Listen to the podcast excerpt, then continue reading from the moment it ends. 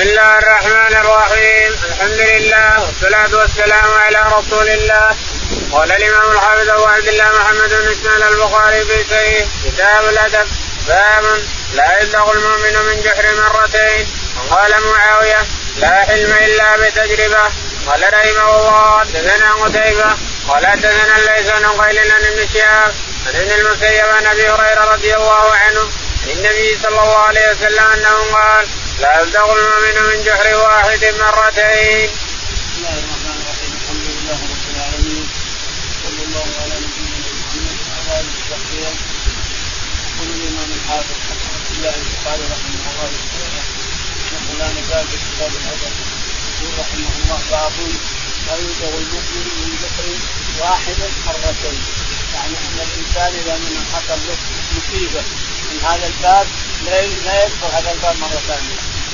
تصير مصيبة تصير مصيبه اللي مرت عليه المؤمن يلزم من جحر مرتين تلدك الإنسان. تلبسك عقرب. من هذا الجحر لا تدخل مرة ثانية.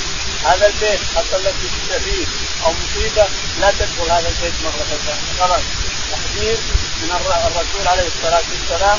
وهو مثل للأمة أن كل مسلم يلزق من هذا البيت من هذه مصيبة من هذا البيت أو يلزق من هذا الجحر أو من هذا المكان لا يدخل مرة ثانية يعني يصير عاقل يصير متنبه ما يصير مغفل يلزق مرتين أو يضرب مرتين لا تصير مغفل يا محمد. هذا توصية من النبي عليه الصلاة والسلام. وتنبيه على ان المسلم يكون ذكي يكون صاحب شيء. فلا تظن الإنسان عن دينك مرتين. صليت الأول وتبت إلى الله. خلاص لا تظن مرة ثانية. وكذلك أمور الدنيا. الصلاه تجربة ثم لا تعود إليها مرة ثانية. إلى اخره نعم.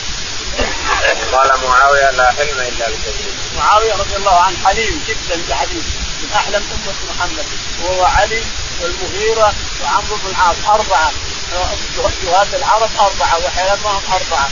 يقول له معاوية علم إلا بالتجربه يعني إن جربنا الشخص هذا فصار حليما لازم إنه حليم.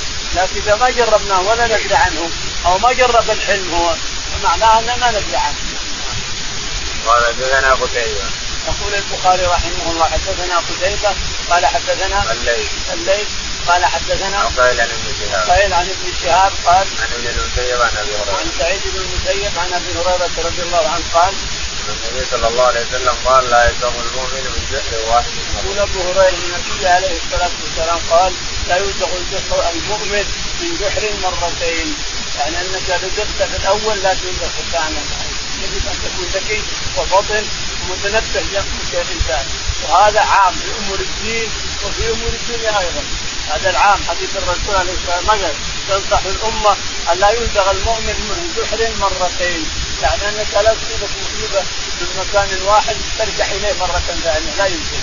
يكون معك ذكاء وحسنى وتجربه تقول هذا حصل شيء منه حصل مصيبة حصل مشكلة ما يمكن أن مرة ثانية.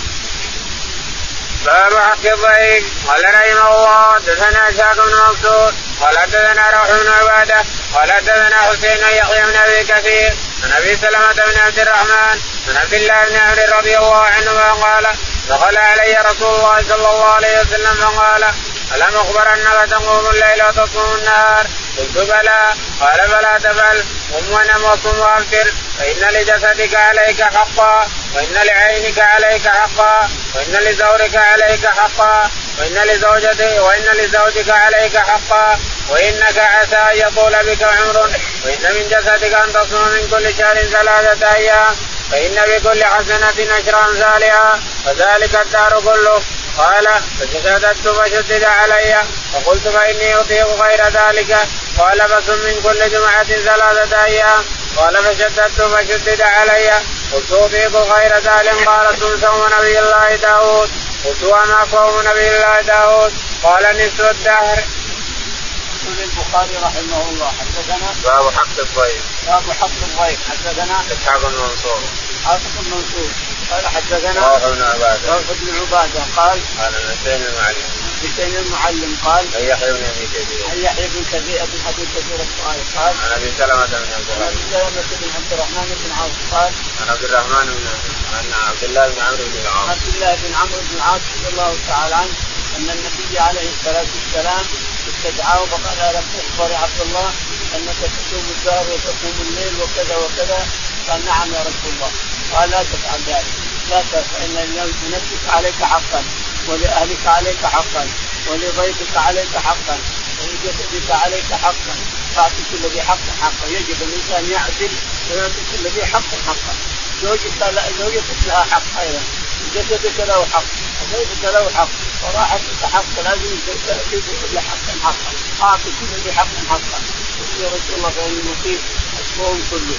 فقال وإنك عسى أن يطول بك فانك عسى أن يطول بك عمر فتعجز يعني.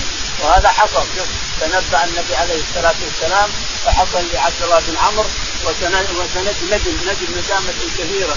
يا ليتني قبلت رخصة الله رخصة الرسول. يا ليتني يا ليتني ما ينفع ما دام نصحك وأنت شباب فينبغي أن تقبل النصيحة. ما دمت شباب الإنسان. لأنك إذا شفت وكبرت وعجزت ما تقدر تفعل شيء. ما تستطيع تفعل شيء. فافعل ما تستطيعه. وأنت في شبابك وأنت في مشيختك تتلون أعصابك وتعجز أعصابك وتعجز أنت وتعجز عن القيام بما استطعت فقد اجعل لك للانسان عمل صالح تستطيعه اليوم وتستطيعه إذا شفت الانسان تستطيع إلى 90 من يدري؟ تصل الإنسان تحيا إلى إلى 90 سنة. من يدري؟ 90 سنة ما تقدر تسوي حاجة. ما تستطيع ترفع عود عن تستطيع تفتح عصا ما تستطيع حجر عن الأرض ما تستطيع حينئذ. وصلت إلى حد خلاص. الموت تترقب بالموت قطاعا أو مسا نعم. وإن من حسبك أن تصوم من كل شهر ثلاثة وإن من حسبك أن تصوم من كل شهر ثلاثة أيام. يسمونها العوام اليوم يسمونها البير يعني إنها نور الصبح شمس وقمر الليل قمر نور بالقمر. والنهار بالشمس نور بالشمس فهي بيضاء ما فيها ظلام يسمونها العوام نصوم البيض. نصوم البيض يعني ثلاثة أيام من كل شهر. ليش؟ لأن كل يوم عن عشرة عن عشرة أيام. كل يوم من الشهر عن عشرة أيام من الشهر. اليوم الأول العشرة الأولى ثم الوسطى الوسطى ثم الأخير الأخير ومعناها أنك صمت الشهر كله. وإذا استدمت على هذا معناها أنك صمت الشهر كله. استمريت حتى سنة كاملة. وأنت تعمل هذا معناها أنك صمت السنة كلها. صمت الشهر كله الإنسان لأن كل يوم بعشرة أمثال نعم. يقول عبد الله بن عمرو ندم أخيرا قال شددت فشدد علي. نعم. يا ليتني قبلت رخصة الرسول عليه الصلاة والسلام. شددت هذا لما كبر وصل عمر طويل بحيث لا يقوم ببعض ما ما يقوم ببعضها. بربعها يمكن بثمن ما ما كان يعمل. عجز لا يقوم. خلاص جاء الكبر وافنى له أعصابه. عقد أعصابه. ما يقدر يقوم إلا على العصا أو ما يقوم إلا عليه ورجليه. ويا ليتني قبلت رخصة الرسول عليه الصلاة والسلام. هذا معناه التنبيه. إلى أن الإنسان ينتبه إلى أن يفعله. وهو شباب لازم يدين عليه حتى يتوب يصير الإنسان تأتي إلى سن لا تستطيع أن تفعل شيء. لكن استدمت على ركعات في الليل أو تصوم ثلاث أيام من الشهر أو شيء ربما ما تعجز عنها. حتى لو كذبت لو طعنت في السن ما تعجز عنها ما دام انك التزمت عليها وخير العمل أحب العمل إلى الله ادومه أحب العمل إلى الله ادومه ما دمت عليه وأنت شباب وأنت في حتى تموت وأنت ما تترك هذا العمل الإنسان. نعم. قال فشددت فشدد علي. قال شددت فشدد علي. نعم شدد فشدد علي. اعطيك أكثر اعطيك أكثر. ما نفع هناك ندم وتندم قال يا ليتني قبلت رخصة الرسول عليه الصلاة والسلام. قال صوم نبي الله داود. قلت وما صوم نبي الله داود؟ قال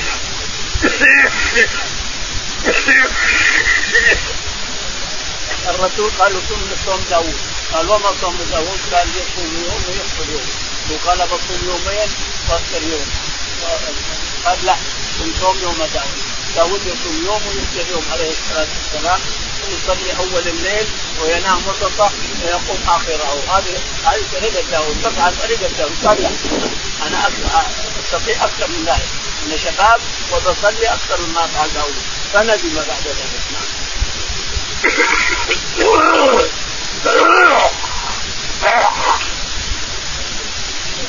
باب إكرام الضيف وخدمته إياه بنفسه. وقوله تعالى هل أتاك حديث الضيف إبراهيم المكرمين قال أبو عبد الله يقال زور وهؤلاء زور وضيف ومعناه اضيافه وزواره لأنها مصدر مثل قوم رضا وعدل.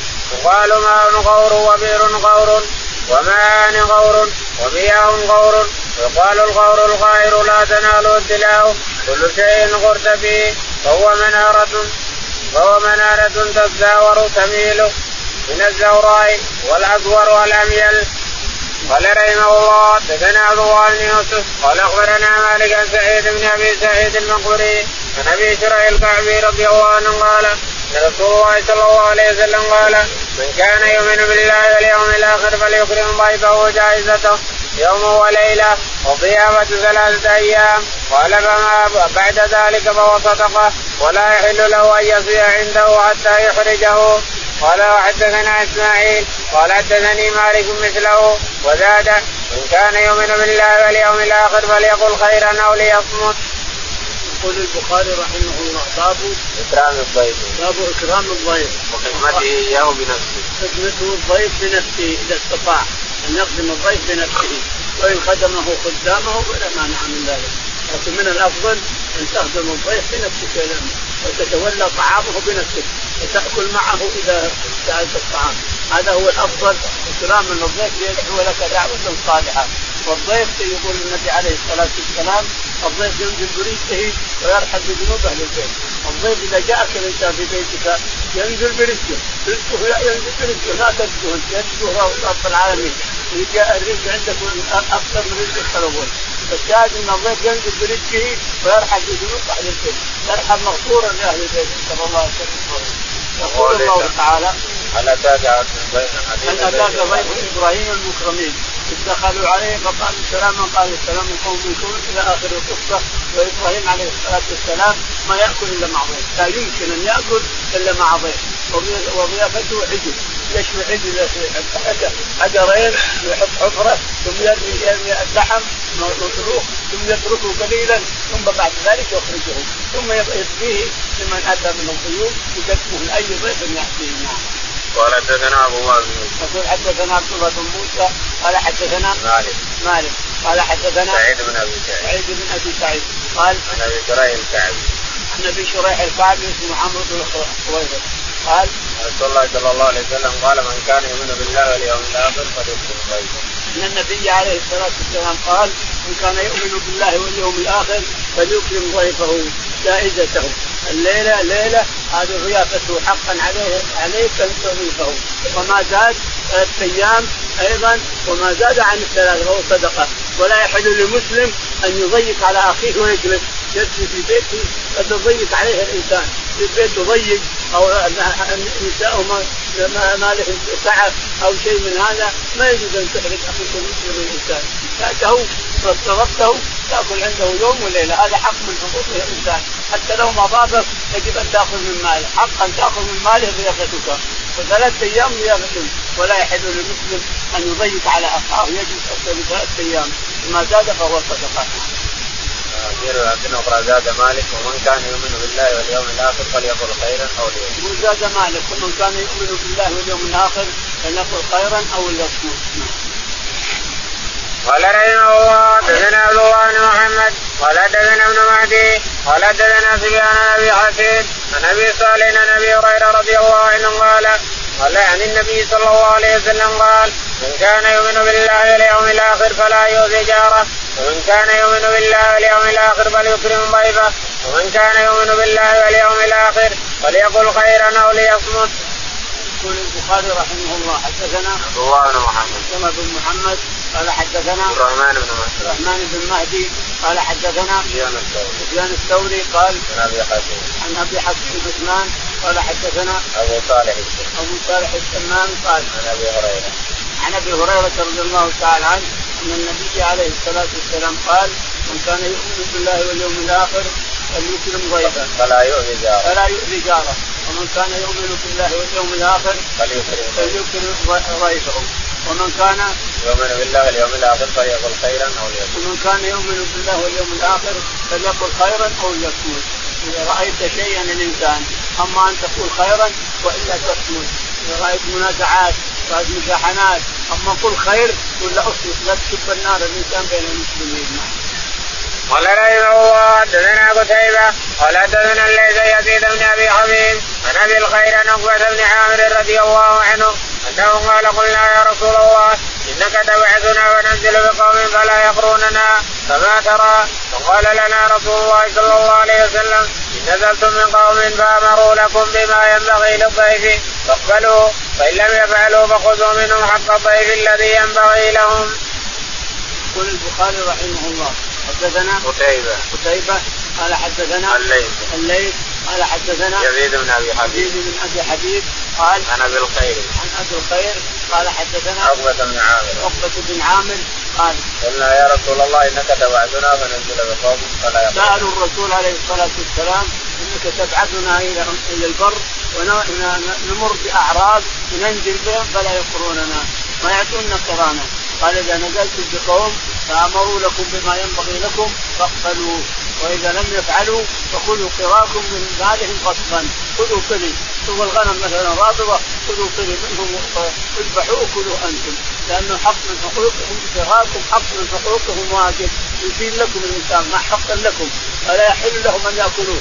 أهل البيع الأعراف إذا ما قريتوهم ما قروهم ما يحل لهم هذا ضيفتكم ما تحل لهم أن يأكلوها. أنتم خذوا حقكم يجيكم خذوا طري من الغنم ولا عنز ولا شيء الذي تريدون خذوا حقكم منهم نعم قال رحمه الله حدثنا عبد الله بن محمد قال حدثنا هشام قال أخبرنا معمر عن الزهري عن أبي سلمة عن أبي هريرة رضي الله عنه النبي صلى الله عليه وسلم قال من كان يؤمن بالله واليوم الآخر فليكرم ضيفه ومن كان يؤمن بالله واليوم الآخر فليصل رحمه ومن كان يؤمن بالله واليوم الآخر فليقل خيرا أو ليصمت.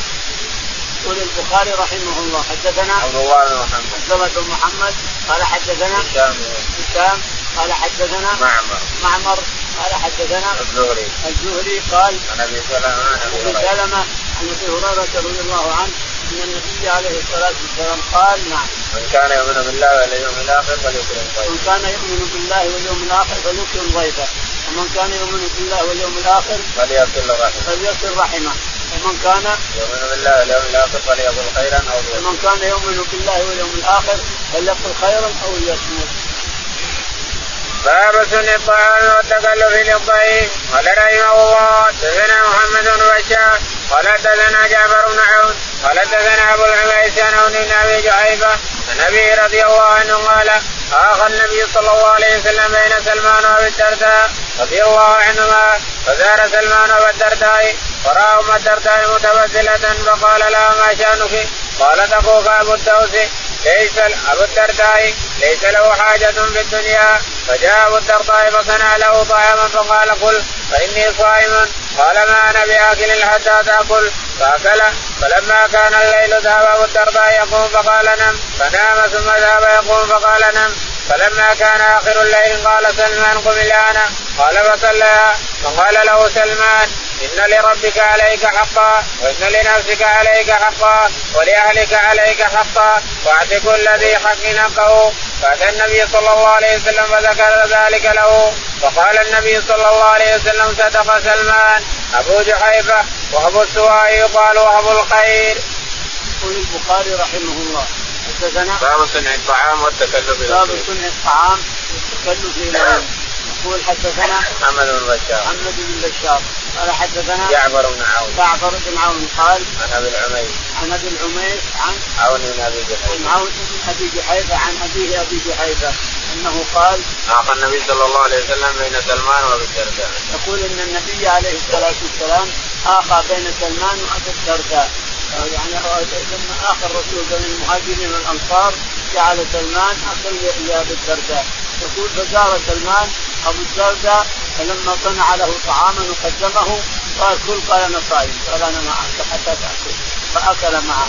لما جاء الليل أراد أبو الدرداء أن يقوم قال نم نم نم ما جاء الصلاه فلما نام وجاء استيقظ أيضا بعد قليل قال نم ما جاء وقت الصلاه لما جاء آخر الليل التنزل الإلهي قال الان قم لما انتهى وأصبح الصباح قال له يا أبا الدرداء ان لنفسك عليك حقا ولجارك على ضيفك عليك حقا ولأهلك عليك حقا فاعط كل ذي حق حقا. كل إنسان حقه حقه ولا فانت تصير ظالم أنت تصير ظالم وتعاقب يوم القيامة.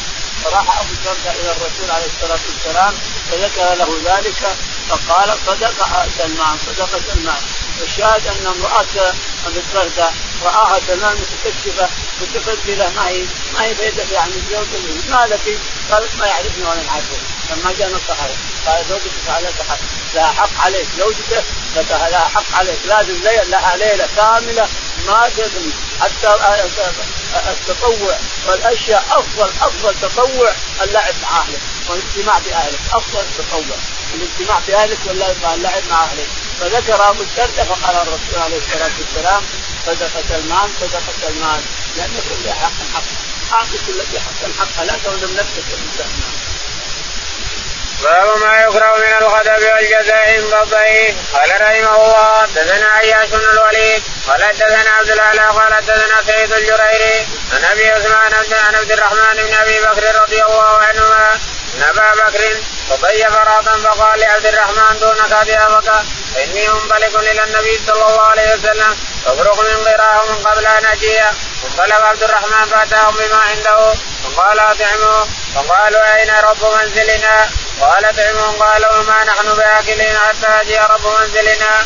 قال اقبلوا عنا قراكم فإنه إن جاء ولم تطعموا لنلقين منه. فأبوا وعرفت أنه يجد علي. فلما جاء تنحيت عنه فقال ما سمعتم فاخبروا قال يا عبد الرحمن فسكت قال يا عبد الرحمن فسكت قال يا غنزر أقسمت عليك إن كنت تسمع صوتي لما جئت.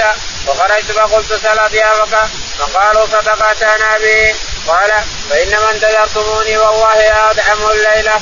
وقال الاخرون والله لا نطعم حتى تطعمه.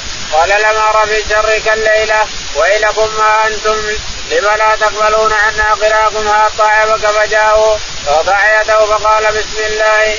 الأولى للشيطان فاكل وأكلوا. يقول البخاري رحمه الله باب ما يكره من الغضب والجزع عند ما يكره من الغضب والجزع عند الطعام. عند إطعام الطعام لكن يستوي الإنسان. قد تغضب لأجل فعل الأضياف أحيانا يغايبونك الإنسان يزعلونك بالقوة ولو ما تسعد الشاهد يقول البخاري رحمه الله حدثنا أياس بن الوليد. أياس بن الوليد. قال حدثنا عبد الأعلى. عبد الأعلى.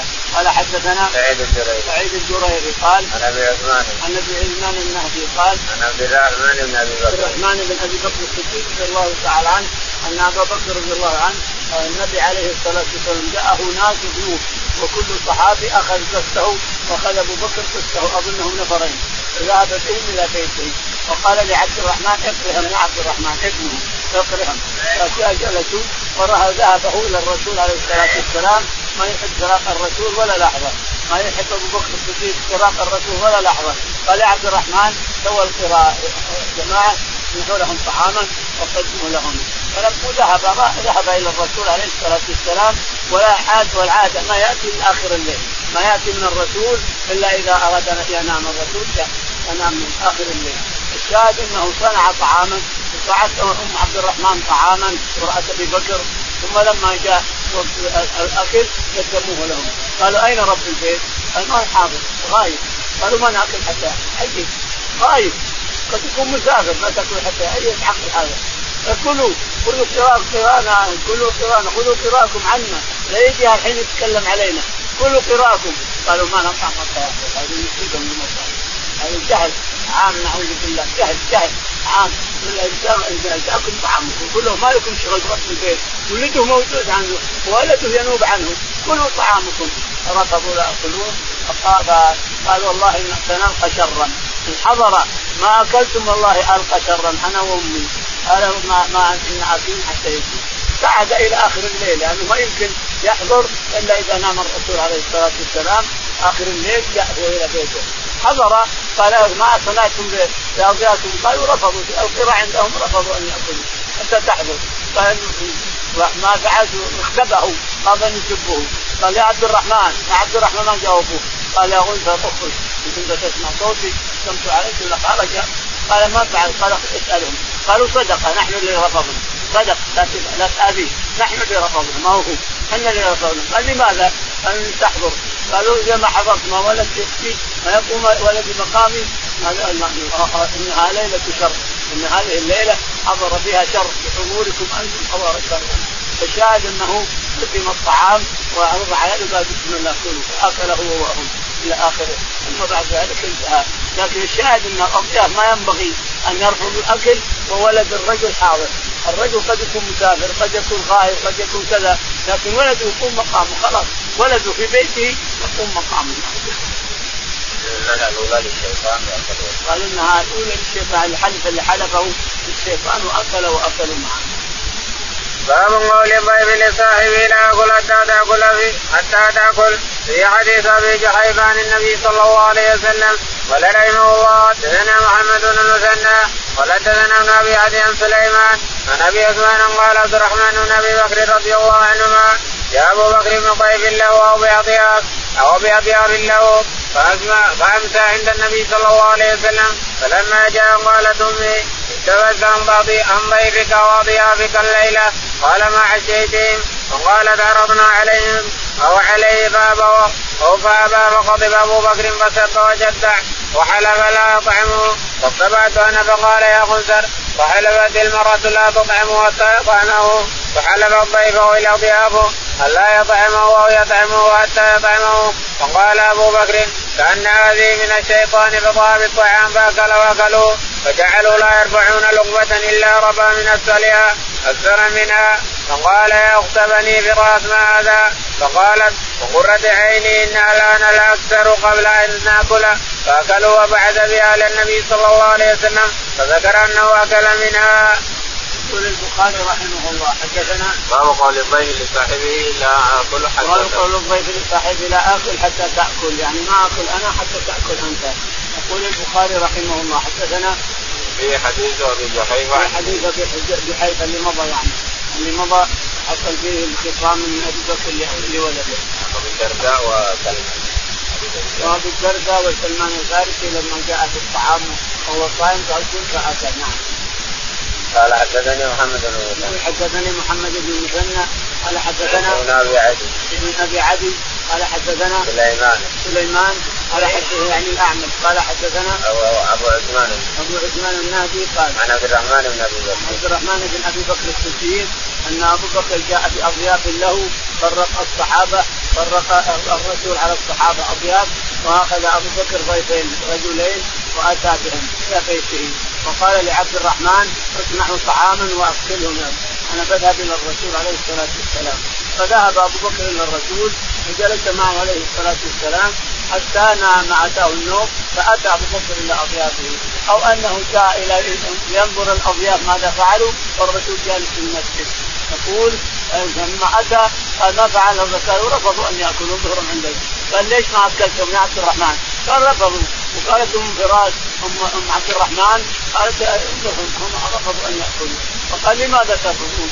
قالوا لأن خايف أنت ما إذا ما حضرت ما نأكل. قال ولدي ما يقوم مقامي وكيلي وولدي ما يقوم مقامي إنها ليلة فيها شر. ثم احضر الطعام فأكل وأكلوا. ثم صارت بإذن الله ينزل فيها البركة. ثم رفعوا لقمة باذن الله ثم رفعوا لقمة زادت الصفحة. كلما راحوا زادت زادت الصفحه كلما رأت فقالت والله إني أرى أن البركة تنزل كلما رفعوا لقمة أتى أكثر منها. والله إن البركة تنزل فأكلوا وأكلت المرأة وأكل عبد الرحمن وأكل أبو بكر وأكل الاضياف وقطعت عنها ما ما مسى أحد لك عنها فأخذها وادها إلى الرسول عليه الصلاة والسلام فأكل منها عليه الصلاة والسلام. باب إكرام الكبير ويبدأ الأكبر بالكلام والسؤال. قال رحمه الله حدثنا سليمان بن حرب قال حدثنا حماد بن سعيد يحيى بن سعيد بن بشير بن يسار مولى الأنصار عن رافع بن خديج وسهل بن أبي حزمة إنه حدثه أن عبد الله بن سهل ومعيصه بن مسعود أتيا خيبر فتفرقا في النخل فقتل عبد الله بن سهل فجاء عبد الرحمن بن سهل وحويسه ومحيسه ابن مسعود إلى النبي صلى الله عليه وسلم فتكلموا في أمر صاحب فبدا عبد الرحمن وكان اصغر القوم فقال النبي صلى الله عليه وسلم كبر الكبرى. قال قال يحيى هي للكلام الأكبر. فتكلموا في أمر صاحبهم وقال النبي صلى الله عليه وسلم أتستحقون قتيلكم أو قال صاحبكم بأيمان خمسين منكم؟ قالوا يا رسول الله أمر لم نره. قال فتبرئكم يهود في أيمان خمسين منهم. قالوا يا رسول الله قوم كفار. فواداهم رسول الله صلى الله عليه وسلم من قبله. قال سهل فادركت ناقة من تلك الإبل فدخلت مربة لهم فركضتني برجلها. قال ليس حدثني يحيى. عن بشير بن قال يحيى حسبت انه قال مع رافع بن خديج؟ قال ابن عيينة حدثنا يحيى عن بشير عن سالم وحده. يقول البخاري رحمه الله. باب اكرام الكبير. باب إكرام الكبير يعني أنك تكرم الكبير بالكلام واللي يتكلم والذي حضر يعني في ناس أصغر منه وفي كبير كبيرهم وهو الذي يتكلم إذا صار مشكلة عند القاضي أو ذهبت انت عند الأمير أو ذاك يتكلم الكبير إذا كان كفر إذا كان كفر كبير ويقضي عن عنهم كلهم وينوب عنهم كلهم فالمتكلم الكبير. الصغير ما يتكلم ما دام فيه كبير كفار مولى بني الانصار الرابع بن خديج الرابع بن خديج وسالم بن أبي حكيم عن؟ وسهل بن أبي حكيم وسهل بن أبي حكمه قال أن عبد الله بن سهل ومحيص أن عبد الله بن سهل عبد الرحمن بن سهل ومحيص وحيوفه ذهبوا إلى خيبر بعد فتحه وتقسيم الحدائق على الصحابة رضي الله عنهم ذهبوا يجيبون نخل في خيبر فقتل عبد الله بن سهل. ولما قتل أتوا إلى الرسول عليه الصلاة والسلام واخبروه فقال أقسموا خمسين يمين من اليهود كلهم حق معه نفس من رايناه حقا في القتل. قالوا ما نسينا حضرنا حتى عنه قال خذوا يمين اليهود قال كفار ما ناخذهم فوداه الرسول عليه الصلاه والسلام من عنده بمئة ناقه معنى هذا أن كل إنسان يضيع قاتله بمجموعة والذي يطلعون من الجمعة ثم يقتل واحد منهم لك أو يقتلهم. يداه الخليفه من بيت المال. أو مثلا زحام أو شيء. المهم إذا مات مسلم ما يدرى من قتله فإن بيت المال مقتول. هو الذي يقتله ويؤدي ديته إلى أهله. كما فعل الرسول عليه الصلاة والسلام. نقل هذا وأعطاهم ديته. دية عبد الله بن سهل. أعطاهم 100 ناقه يقول عبد الرحمن بن محي إنها دخلت مربد فرفضته برجلها خبط رجلها ولم سهل سهل عبد الرحمن بن سهل أخو عبد الله. فجاء عبد الرحمن بن سهل النبي صلى الله عليه وسلم فتكلم في هذا الكلام فبدا جاء عبد الرحمن بن سهل ليتكلم فقال كبر كبر الكلام الكبير هو محيص أو هو يسر اترك الكلام الكبير أنت صغير. تكلموا واخبروا أن عبد الله قتل بخيبر وأن لا ندري ما قتله قال تحلفون خمسين؟ قالوا ما ندري ما حضرنا ولا شهدنا. قال جاء تحلف يهود خمسين؟ قالوا ما كان يا ايمان كفار فوداه الرسول عليه الصلاة والسلام. معنى هذا ان كل إنسان يقتل قضيته بيت المال قال رحمه الله حدثنا مسدد قال حدثنا يحيى عن عبيد الله قال حدثني نافع عن ابن عمر رضي الله عنهما قال قال رسول الله صلى الله عليه وسلم أخبروني بشجرة مثلها مثل المسلم تؤتي اكلها كل حين بإذن ربها ولا تحد ذرقها فوقع في نفس النغله فكرهت أن أتكلم وسمى أبو بكر وعمر. فلما لم يتكلم لما فلما لم يتكلما قال النبي صلى الله عليه وسلم هي النخلة. فلما خرجت مع أبي قلت يا ابتاه وقع في نفس النخلة. قال ما منعك أن تقولها؟ لو كنت قلتها كان أحب إلي من كذا وكذا. قال منعني إلا أني لم أرك ولا أبا بكر تكلمتما فكرهت. يقول البخاري رحمه الله حدثنا مسدد. مسدد. قال حدثنا يحيى بن سعيد. يحيى بن سعيد. قال حدثنا عبيد الله العمري عبيد الله بن عمر العمري قال نافع عن ابن عمر. نافع عن ابن عمر أن النبي عليه الصلاة والسلام يحب تسبيح اصحابه ويحب أن يلقي عليهم الألغاز. ويضحكهم ويفرح صدورهم عليه الصلاة والسلام. إذا كانوا في مجلس جالسين جميعا يحب أن يفرحهم ويلقي عليهم الاسئله والألغاز علشان يفرحون يفرحون يدورون النور اللي يلقي عليهم يبحثون عنه يشوفونه. هذا يقول كذا وهذا فرح وسرور وهنا عليه الصلاة والسلام عليه الصلاة والسلام. لما رأى جلسوا مجلسا قال لهم ما هي شجرة؟ تشبه المؤمن لا يحس ورقها تؤتي اكلها كل حين بإذن ربها.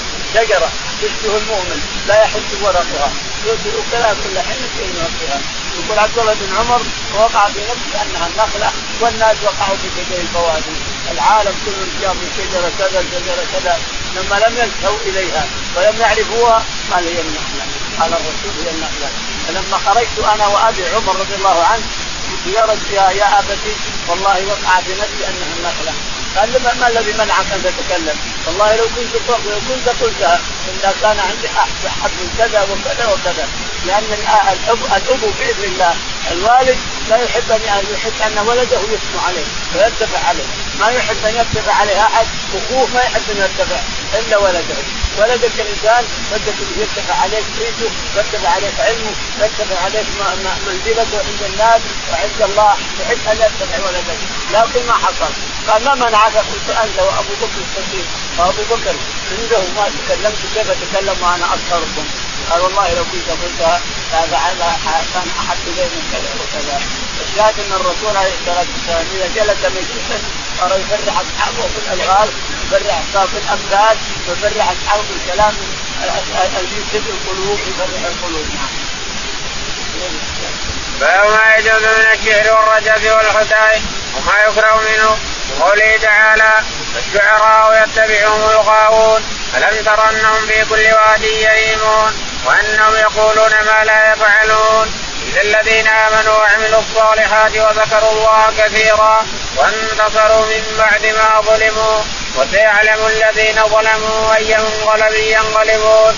قال ابن عباس في كل لغو يخوضون. قال رحمه الله حدثنا أبو اليمان. قال أخبرنا شعيب بن الزهري. قال أخبرني أبو بكر بن عبد الرحمن. أن مروان بن الحكم أخبره. عبد الرحمن بن أبي الأسود بن عبد يقوز أخبره. ابي بن كعب اخبره أن رسول الله صلى الله عليه وسلم قال إن من الشعر حكمة. يقول البخاري رحمه الله باب باب ما يجوز من الشعر والرجل. يجوز من الشعر والرجل الذي فيه ثناء على الله تعالى وتقدس أو في فريضه من الفرائض أو في تفصيل لحكمة من الحكم أو مثلا بحث من البحوث لا بأس بذلك إذا كان الشعر في منفعه للدين فلا بأس بذلك. أما إذا كان سب وشتم فهو من حرام نعوذ بالله. سب وشتم الشعراء يتبعهم الغاوون يعني في كل واد يهيمون ليش؟ لأنه يروح يمين ويسار. يشتم ويسب ويلعن ويصب هذا لا يجوز حرام. أما إذا كان في نصره لله ورسوله فلا بأس بذلك بل له أجر كبير يساعد ولهذا حسان رضي الله عنه لما يدل عن النبي في أجر كبير عند الله. والرسول عليه الصلاة والسلام قال مؤيد بن كلب آمن شعره وكفر قلبه. آمن الشعر. الشعر كله يثني على الله تعالى وتقدس. ادرج المدرج والنشر والنشر كل شيء على كل شيء. لكن مميز بن السلف أو بالصمت قال آمن شعره وكفر قلبه. هذا أمية. لأنه أثنى على الله تعالى وتقدم وذكر السماوات وذكر ما أبعاد الأرض وذكر النجوم وذكر اني قائم وليس المرصد نسك مع جماعة نعامة وليس المرصد قال صدقة كل ما قال الشعر من أمية بن قال صدقة صدقة إلى آخره. ويذكر نجوم السماء كلها وما قيل فيها إلى آخره. الشاهد أن النبي قال آمن شعره وكفر قلبه. فمن الشعر إيمان ليس في هذا نعم. ألم ترى أنهم في كل واد يهيمون. ألم ترى أنهم في كل واد يهيمون من من أعجاز الشعر. ومن قبيله في كل واد يهيمون يقولون ما لا يفعلون. يتكلم بلسانه ما لا ما يفعله لنفسه ما يفعله. ما يفعل لنفسه لكن يتكلم بلسان أشياء ما يقدر يفعلها لنفسه ولهذا ثم ثم كثير من الشعر من الذين آمنوا الذين آمنوا وعملوا الصالحات. وذكروا الله كثيرا. وانتصروا من بعد. وانتصروا بعد ما ظلموا. وسيعلم الله الذين خلوا أو وسيعلم الذين ظلموا. أي منقلب ينقلبون. الشاهد أن الشعر حكمة يبقى نصره لله ورسوله ونصره للدين فهو مرجوع ومقبول واما اذا كان ضد ذلك فهو مذموم نعوذ بالله ولا يجوز كبيره من الكبائر. قال حدثنا أبو اليمان. حدثنا أبو اليمان. قال حدثنا شعيب. شعيب. قال عن الزهري. عن الزهري. قال؟ عن أبي بكر بن عبد الرحمن. عن أبي بكر بن عبد الرحمن قال؟ عن مروان بن الحكم عن مروان بن الحكم قال؟ عن عبد الرحمن بن الأسود. عن عبد الرحمن بن الأسود بن عبد اليهود قال؟ عن أبي بن كعب. عن أبي بن كعب رضي الله عنه قال؟ ان رسول الله صلى الله عليه وسلم قال إذا من الشعر حكمة. ان الرسول عليه الصلاة والسلام قال إن من الشعر حكمة. لا شك في هذا أن الشعر منه الحكمة. حتى أثنى عليه قال وقال إن من البيان للسحر الذي قال شعروا عنده اثنين أخذوا الشعر وتكلموا الشعر إن البيان لحكمه. وقال إن من الشعر لحكمه. وإن من البيان للسحر إلى اخره. قال معناه إنه ما كل الشعر يذم. ما كل الشعر ما كل شاعر يقول شعر يذم. لأنه قد يكون مدح لله ورسوله ويكون مدح للإسلام والمسلمين إلى اخره. قال رحمه الله حدثنا أبو نعيم قال حدثنا سفيان بن الأسود بن عبد قيس قال سمعت جنديا يقول بينما النبي صلى الله عليه وسلم يمشي إذا اصابه حجر فحسره فدميت إصبعه فقال هل أنت إلا اسمع دميتي وفي سبيل الله ما لقيت. يقول البخاري رحمه الله حدثنا أبو نعيم. أبو نعيم قال حدثنا سفيان. سفيان قال حدثنا الأسود بن قيس الأسود بن قيس قال سمعت جنديا يقول بينما النبي صلى الله عليه وسلم يمشي اذا اصابه حجر. يقول سمعت. جنديا يقول. جندب. جندبا جندب.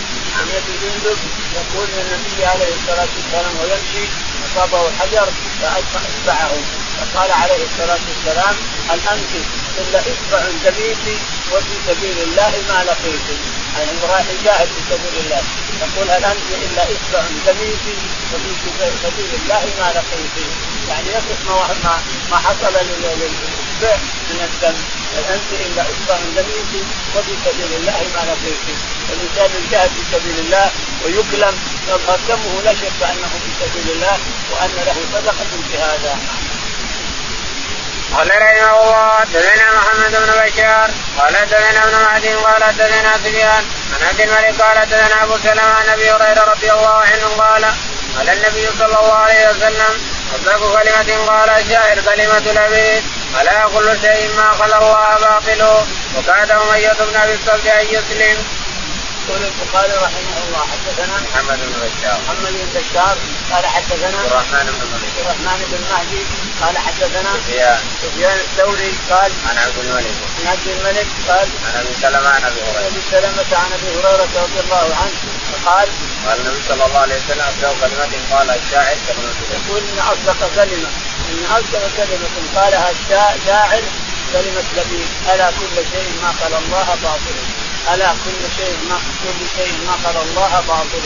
هذه اصدق كلمه كل شيء ما قال الله فهو باطل. لا شك في هذا. كل شيء ما قال ربنا فهو باطل. واصبح وأمية وكاد أمية بن السلف وكاد أمية بن السلف أن يسلم يعني أسلم شعره لكن قلبه كافر كاد أمية بن السلف أن يسلم لأن شعره كله إيمان. قال رحمه الله حدثنا قتيبة بن سعيد قال حدثنا حاتم بن إسماعيل ان يزيد بن أبي عبيد بن سلمة بن الاكوى رضي الله عنه قال خرجنا مع رسول الله صلى الله عليه وسلم إلى خيبر فسرنا ليلا من قال رجل من القوم لعامر بن الاكوى ألا تسمعنا من هنيهاتك قال وكان عامر رجلا شاعرا فنزل يخطو بالقوم يقول اللهم لولا أنت ما اهتدينا ولا تصدقنا ولا صلينا. اغفر بداء واغفر بداء لك ما ارتقينا. وثبت الاقدام إن لاقينا. والقي السكينه علينا. إنا إذا صيح بنا أتينا وبالسياح عولوا علينا. قال رسول الله صلى الله عليه وسلم من هذا الصائم قالوا عامر بن الأقوى. فقال يرحمه الله.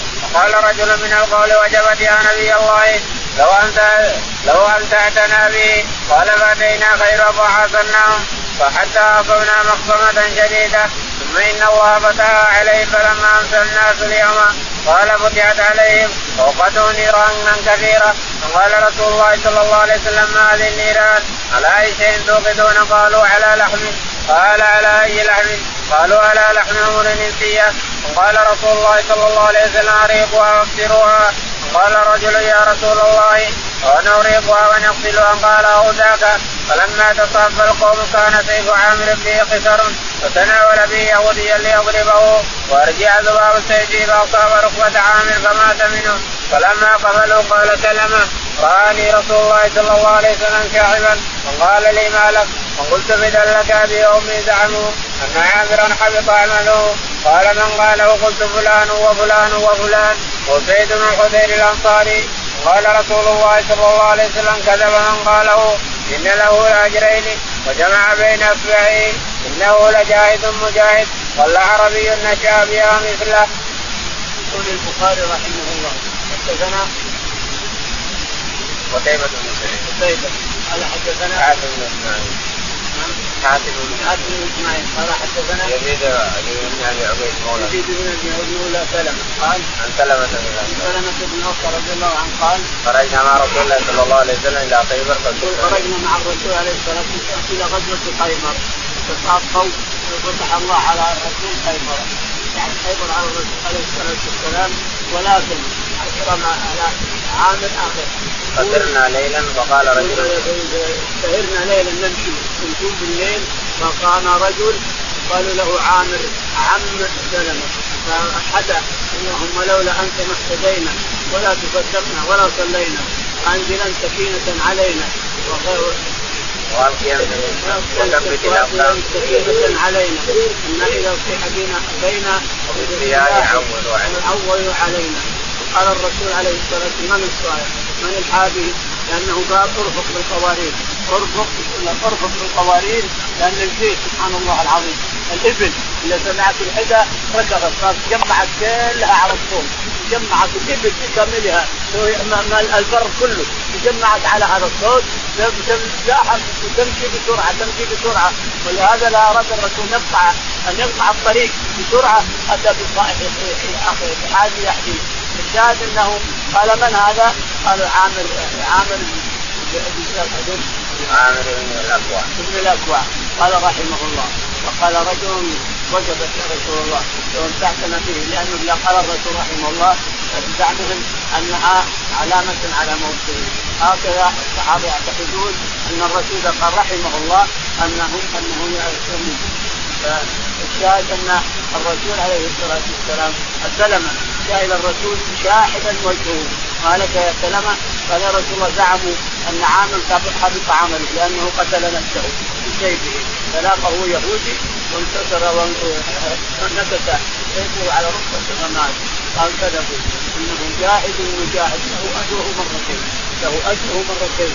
إنه جاهد مجاهد بل عربي أن يفعل ما فعل.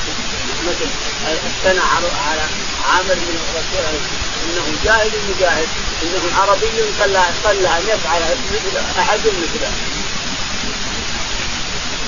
قال ابن أبي بعدين خيبر فعصرناهم حتى أصابتنا مخمصة شديدة. يقول أصابتنا مخمصة شديدة. فطرقنا القدور نصبنا القدور وجعلنا عليها الحمر الانسيه لما رأى الرسول عليه الصلاه والسلام تقول قال ما هذا؟ قالوا لحم. لحم ماذا؟ قالوا لحم الحمر قال الله اقتلوها واقتلوها وقال رجل من الصحابة يا رسول الله نسقها نريقها ولكن ما نقتلها ما نقتلها. قال اوجع يقتلوها اغسلها ألقوا اللحم لأنه حرام ولأنه نجس حرام أكله. اغسلها واغسل الصدور غسلا معنى هذا أن النجاسة اذا اصابت الجبل أو غيره انك تغسل المرء قال رحمه الله حدثنا مسدد قال حدثنا إسماعيل قال حدثنا أيوب عن أبي كلابة عن أنس بن مالك رضي الله عنه قال أتى النبي صلى الله عليه وسلم على بعض النساء ومعهن ام سليم فقال ويحك يا انجشت روايتك سوقا بالقوارير. قال أبو غلابه فتكلم النبي صلى الله عليه وسلم بكلمة لو تكلم بعضكم لعبتموها عليه قوله سوقك بالقوارير. يقول البخاري رحمه الله حدثنا مسدد. مسدد قال حدثنا اسماعيل. اسماعيل. قال حدثنا أيوب. أيوب. قال حدثنا أبو قلابه أبو قلابه قال عن أنس بن مالك. عن أنس رضي الله تعالى عنه أن النبي عليه الصلاة والسلام سمع حاجا يحلو. قال أنجش اسمه انجش صوته حلو. والجسد يجتمع فيه. قال له الرسول عليه الصلاة والسلام رويدك يا أنجش بالقوارير يعني لا تجمع زحمت قد تسقط النساء. النساء من الحوادث وهذا شيء. لأن الإبل يضرب. بعضها على بعض. جنبها الجنب الثاني من الزحام ومن حلاوة الصوت. تتجمع شيء فقال عمرو رويدك يا انجح يقول قوارير.